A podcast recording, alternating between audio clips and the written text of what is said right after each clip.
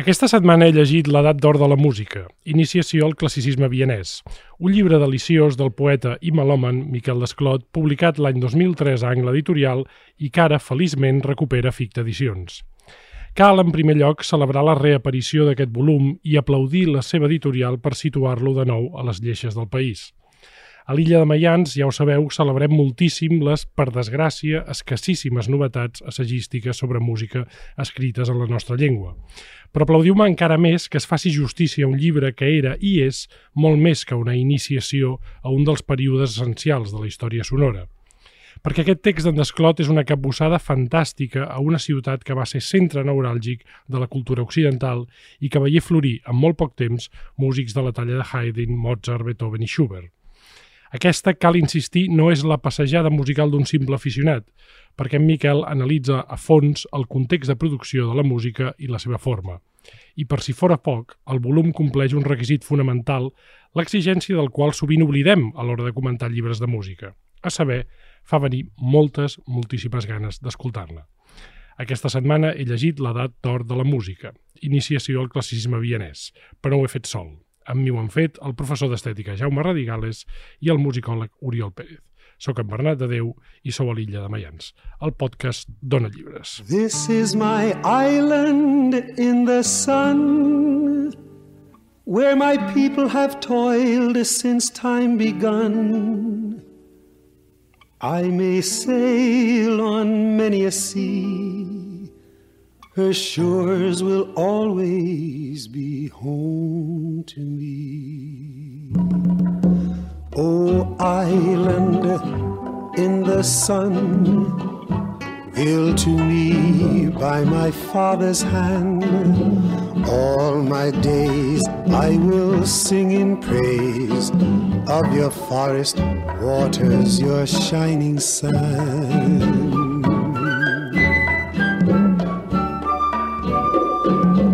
Professor Radigales, benvingut. Gràcies, Bernat. Ben tornat, Oriol. On anem? Miquel, benvingut. Gràcies. Deia que aquest llibre és una reedició, eh? jo tinc la- l'edició original, un, un llibre vermell d'angle Sí, editorial. sí. He dit l'any 2003, no sé si era Crec que correcte. sí, crec que el sí. senyor Amazon m'ha dit 2003. Pot ser, pot ser, sí. És, si no és el 2003, és el 2002. El, Espero- el 2, és igual. Espero que en Jeff Bezos no s'equivoqui. Per què has decidit eh, recuperar aquest llibre? Doncs perquè feia temps que estava exaurit i perquè algun músic amic i professor m'havia dit home, aquest llibre havia estat molt útil per mi, per les classes. I vaig, vaig suggerir a l'editorial Ficta, no us interessa pas, així pensant que em dirien que potser no. I no, no, de seguida van dir que sí, i mira, ara és una realitat. Mhm. Explica'ns o recorda'ns una mica l'origen d'aquest llibre, perquè era, eh, bàsicament era el guió d'un cicle de conferències. Era un Sí. llibre per ser dit, no sí, per ser sí, llegit. Sí, sí, sí. És que, efectivament, quan el, el 1991 la Mari Carmen Palma del, de la, Mhm. del Servei de Música de la Fundació de la Caixa va dir, escolta, no, no ens faries una, alguna conferència arran del centenari de la mort de Mozart? I jo vaig pensar amb un atreviment que encara, encara ara em meravella, no sé com vaig ser tan descarat. Vaig dir, home, mira, podríem fer un cicle de conferències. Què et sembla? 10 conferències i vaig papar els 10 Mhm. temes. L'any 91, per tant, L'any no? 91, sí, sí. I em vaig dedicar, durant, durant 10 setmanes, em vaig dedicar a escriure les conferències. I cada setmana escrivia la conferència de, de la setmana següent. I així va néixer el llibre, perquè esclar, jo no, no m'atrevia eh, amb una cosa així a fer-ho a pèl. I vaig dir, no, escriu-te-la, que així sabràs el que dius i ho, i ho controlaràs. I, I així va néixer el llibre. El que passa és que va trigar molt a, a aparèixer com a llibre. Inicialment, des de la caixa mateix van dir, home, potser podríem mirar de publicar-lo. Això va quedar aparcat. I finalment Angle Editorial va, va acceptar l'envit i va aparèixer això el 2002, 2003, no ho recordo exactament, però si tu dius que és el 2003 ho deus Ho diu, ho diu el Jeff Bezos, que és un dels amos del món. Eh, Les devies fer al Palau Macaia, dedueixo? Exactament, sí, sí. allà a la- Enyoradíssima a, a, mediateca, la capella sí. aquella tan bonica, sí, sí. Eh? Primer caldria preguntar si hi ha alguna modificació. Hi ha, hi ha algunes modificacions, sí. Alguns afegits. Eh, per exemple, a la primera edició no es parlava del melodrama.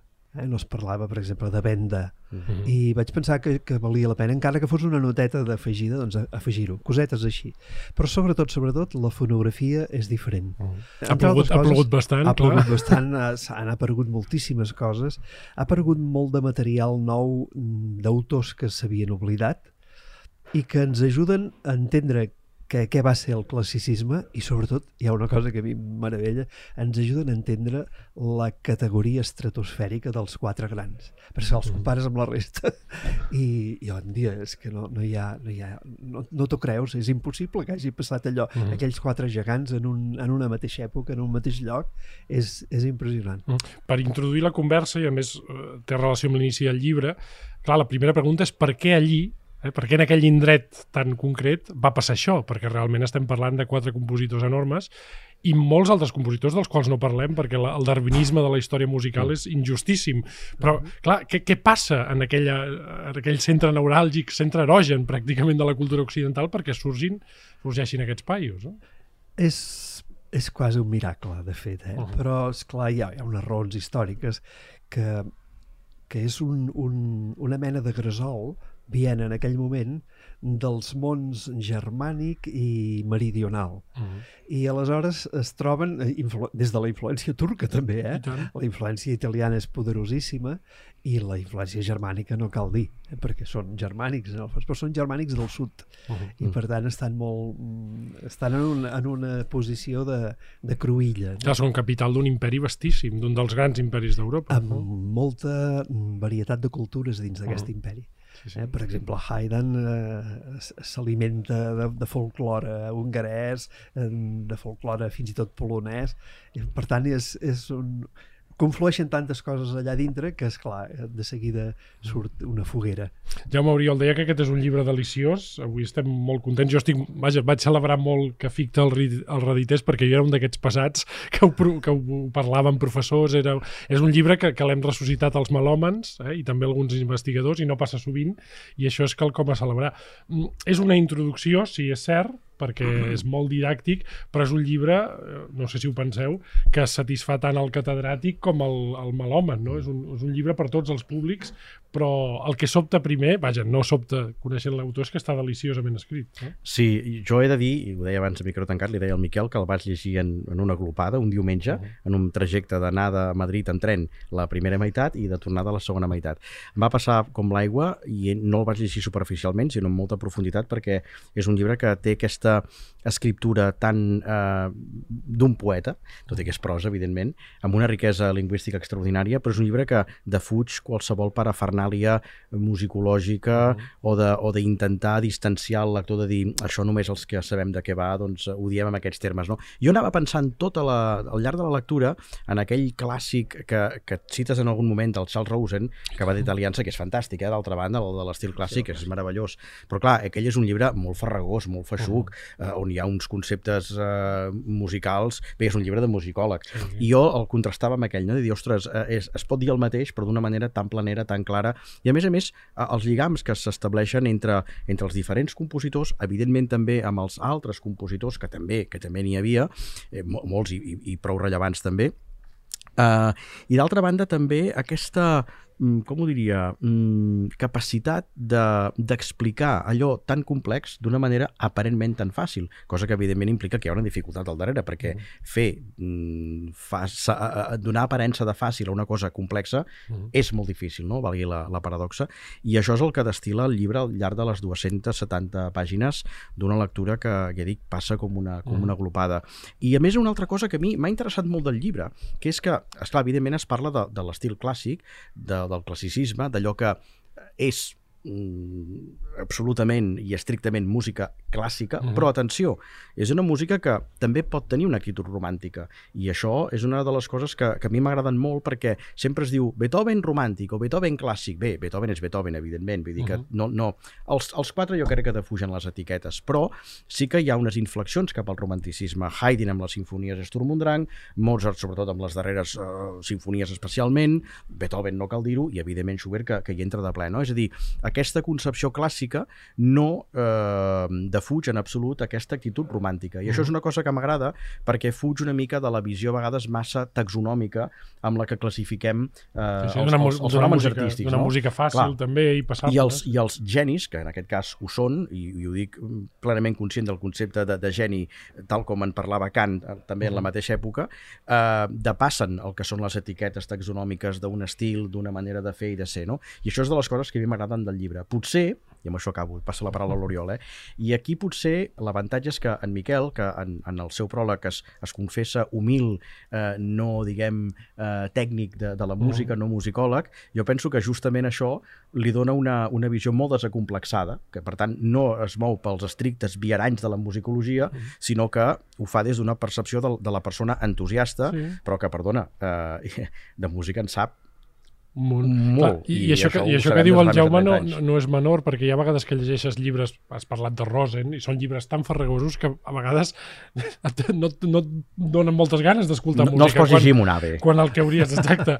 No, i, i a vegades el- els acabes de llegir i, i, i no et venen ganes d'escoltar. Sí. Aquest és un llibre, Oriol, que, que vaja, va, va directament de la pàgina al, al, al reproductor. Eh? Exactament, és a dir, justament estaves parlant, no només jo diria que és atribuïble a Rosen, és a dir, jo diria que també en el nostre panorama hi ha alguns llibres en el qual doncs, es presenten doncs, com a grans eh, jo que dic, gairebé encícliques sobre temes determinats però que no tenen res del que tracta la temàtica perquè el que són són una cosa carregosa, carregosa feixuga i no cal dir noms no? el Miquel és tot el contrari.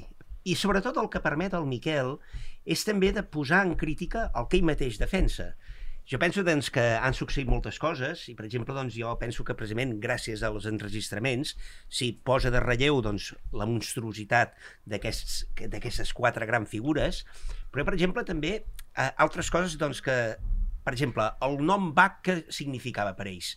Clar, quan es parlava de Bach no es referien a Johann Sebastian, sinó per ells el Bach uh -huh. era el Vorville, el model, el pare, que era Carl Philipp Emanuel Bach, no? I per tant, què és el que ens donem compte? Que en el fons, el que deia, apuntava el Jaume, que això del classicisme no de ser una construcció cultural que hem fet a posteriori, que jo no sé pas com s'haguessin sentit, és a dir, m'ho preguntava, no? Vostè, senyor Mozart, vostè és clàssic. No sé com hagués, com hagués respost, no?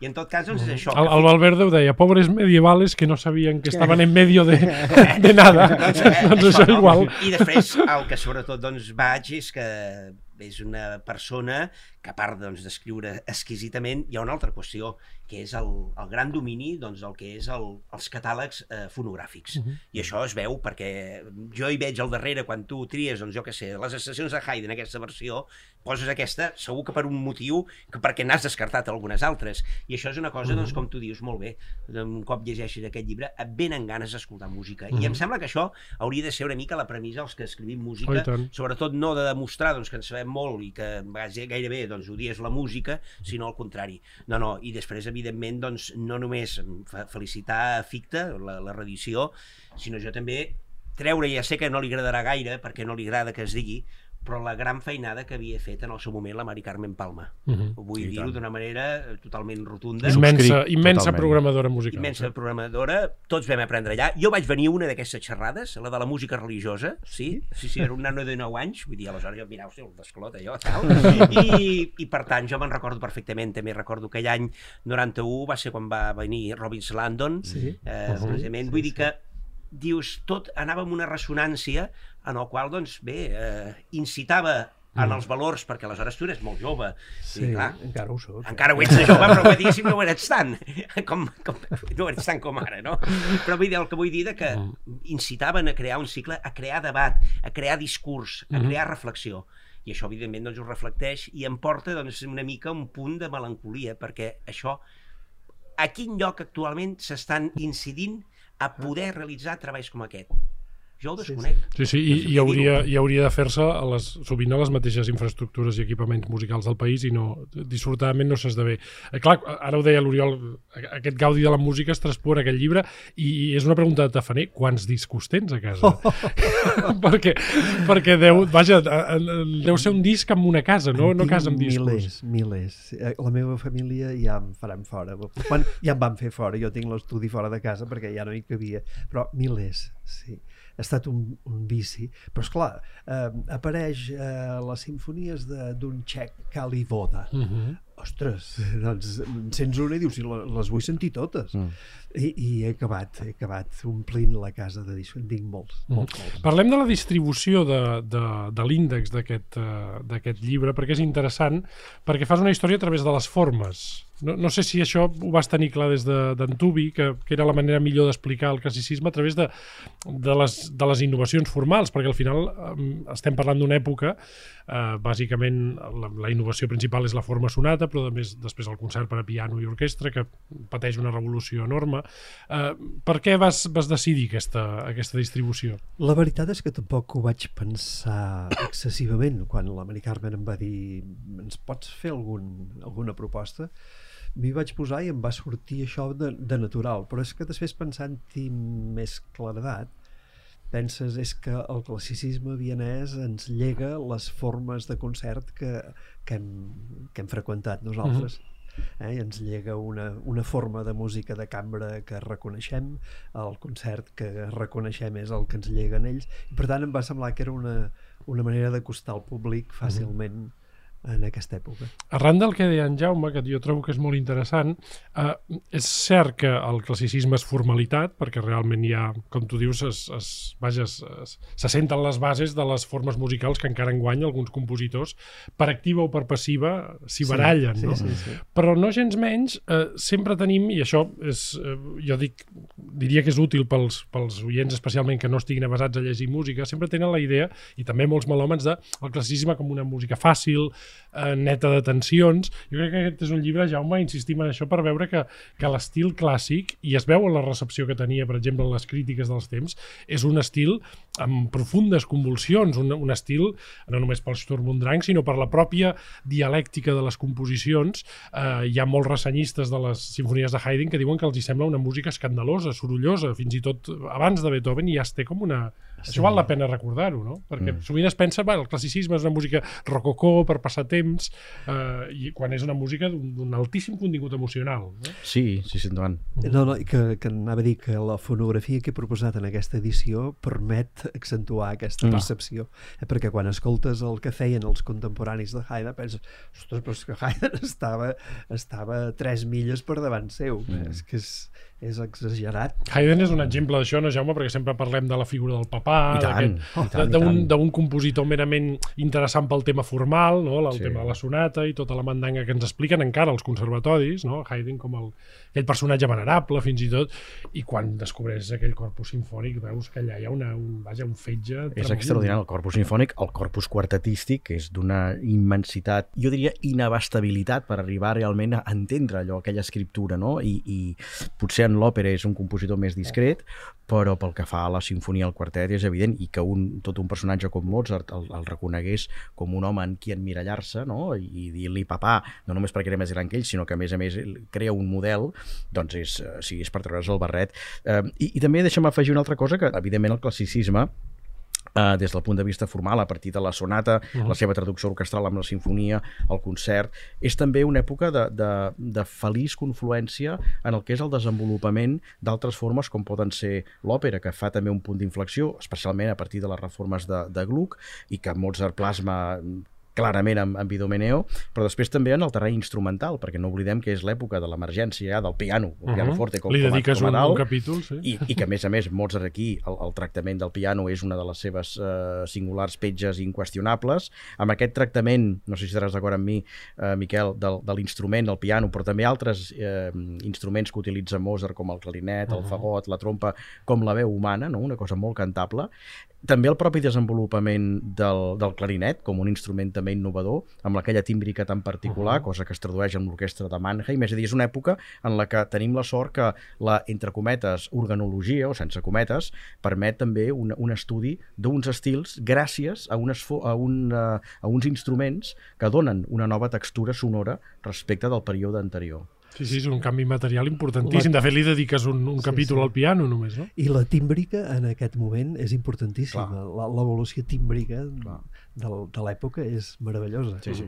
Evolució tímbrica que tanmateix jo diria de que hem pogut percebre molt millor ara que no pas a l'any 91.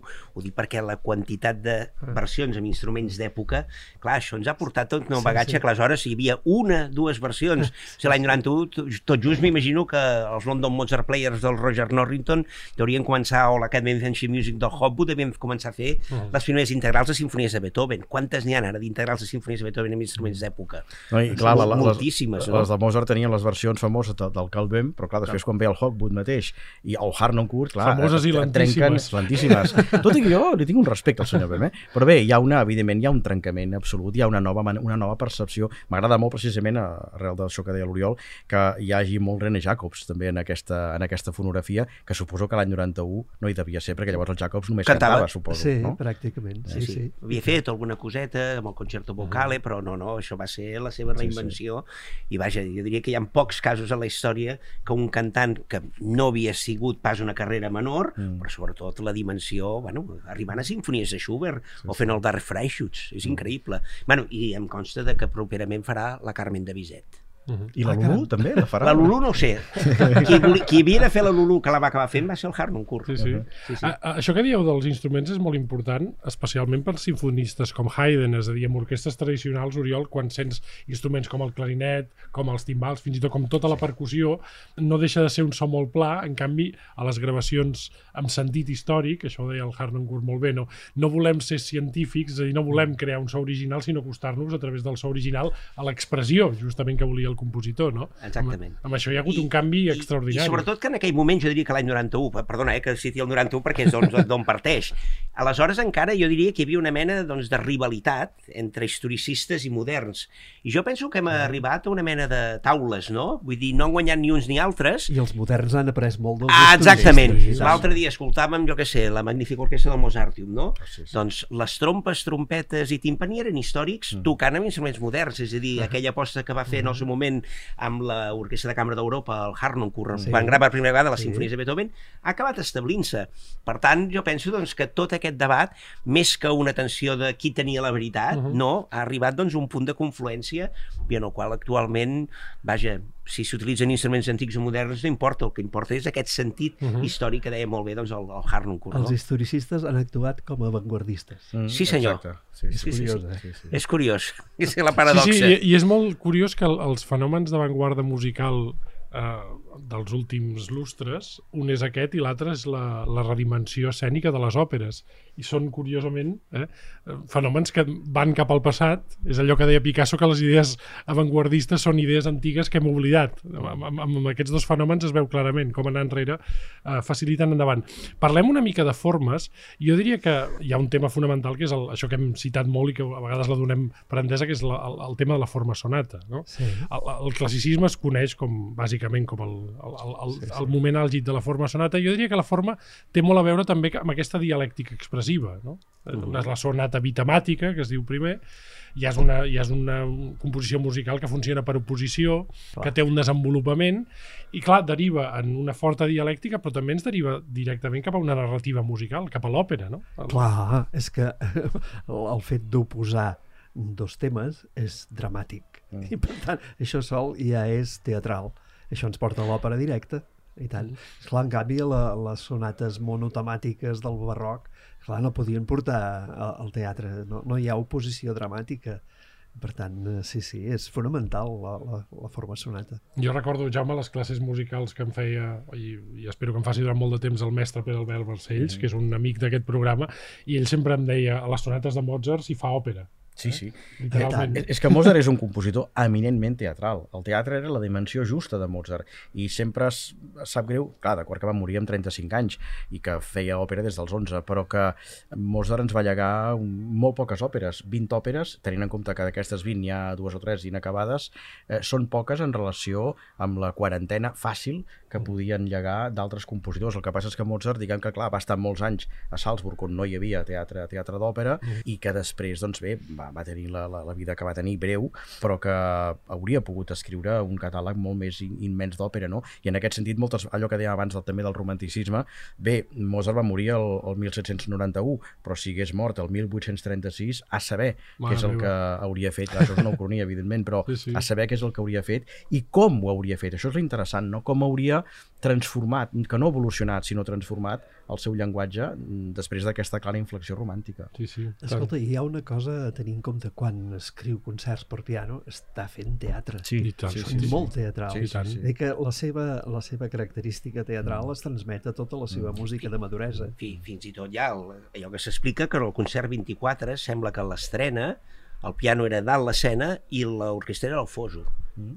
És a dir, va ser aquest tipus Com si de fos un personatge més. Com si fos un personatge. Sí, sí, sí. Ara que parlem del piano, Miquel, per què és tan important? La, no, no la irrupció, sinó la transformació d'aquest in- instrument. Perquè, és clar, el clavecit no tenia la capacitat expressiva que, que tenia, per exemple, el clavicordi. I quan van intentar trobar un substitut del clavicordi que se sentís, perquè el clavicordi és per qui, per qui el toca quasi, no? perquè se sent molt poc. I aleshores, quan, quan descobreixen que es pot fer una música expressiva Uh -huh. amb, amb el teclat, I en progressió volumètrica, això és important, Exacte. amb, amb creixents. això, això va ser fonamental, no? per això se'n diu Però el pianoforte. El, el mateix Bach, no? quan va precisament a Berlín a la cort de Frederic el Gran, va boig darrere la, la col·lecció de pianos Silverman que tenia, que el Silverman agafa model de Cristofori. És a dir, que ja el mateix Bach, aquest Clar. instrument el portava de corcoll. És a dir, que ja sabia... Per tant, quan diuen que hagués fet Bach si hagués conegut, hagués compost d'una altra manera, eh, ben segur, mm. que també és una mica això. Sí. Uh, un dia hauríem, això és gairebé una proposta i tu ho faries molt bé, fer una història de la música imaginada. Mm -hmm. Vull dir, aquesta especulació, que hagués fet Mozart amb 60 anys, que hagués passat si va, que hagués tingut més temps. Una distòpia, hagués no? Una Una distòpia, distòpia sí, musical. eh? una distòpia, seria divertit, eh? No sé. Una, una de les gràcies de- d'aquest llibre, i no, no vull passar sense comentar-ho, és que eh, hi poses esment i poses capítols a unes, vaja, unes formes que durant molt de temps s'han considerat menors, com és la música religiosa, o com pot ser el lit. Quan parlem de lit, amb Schubert potser sí, però amb els altres compositors no s'acostuma a parlar de, de, de lit clàssic.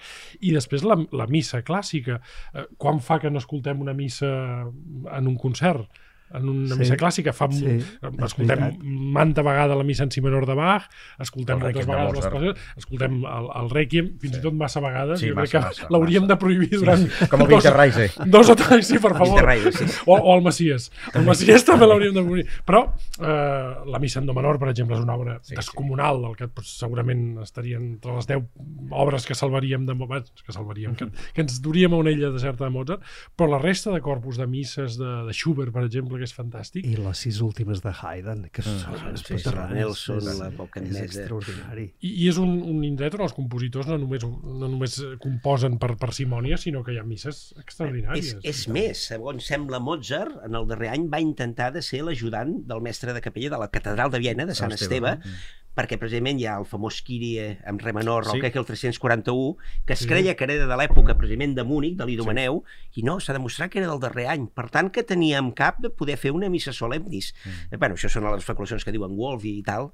però dius, no, no, no era tan menor, eh? O sigui, la nostra recepció ens ho fa creure que és menor, però per ells una missa era una cosa molt seriosa. Sí, a més a més, els, els quatre eren gent profundament creient, -huh. una mica, si voleu, al, al marge, sí, sí. perquè hi ha el tema de la francmaçonia, que també tracta en Miquel en el llibre, que no era incompatible amb, amb la professió, amb la confessió catòlica, però que els quatre eren compositors, no sé si dir-ne devots, però que en tot cas eren explícitament creients, no? I a més a més, amb la missa arriben a fer un, una evolució progressiva molt important, les últimes de Haydn, Mm, que sí. on aplica la concepció sinfònica a la missa i per tant ja deixa la missa napolitana en els llims, és una cosa eh, molt a tenir en compte, és, és avantguarda, eh, allò. Sí, sí.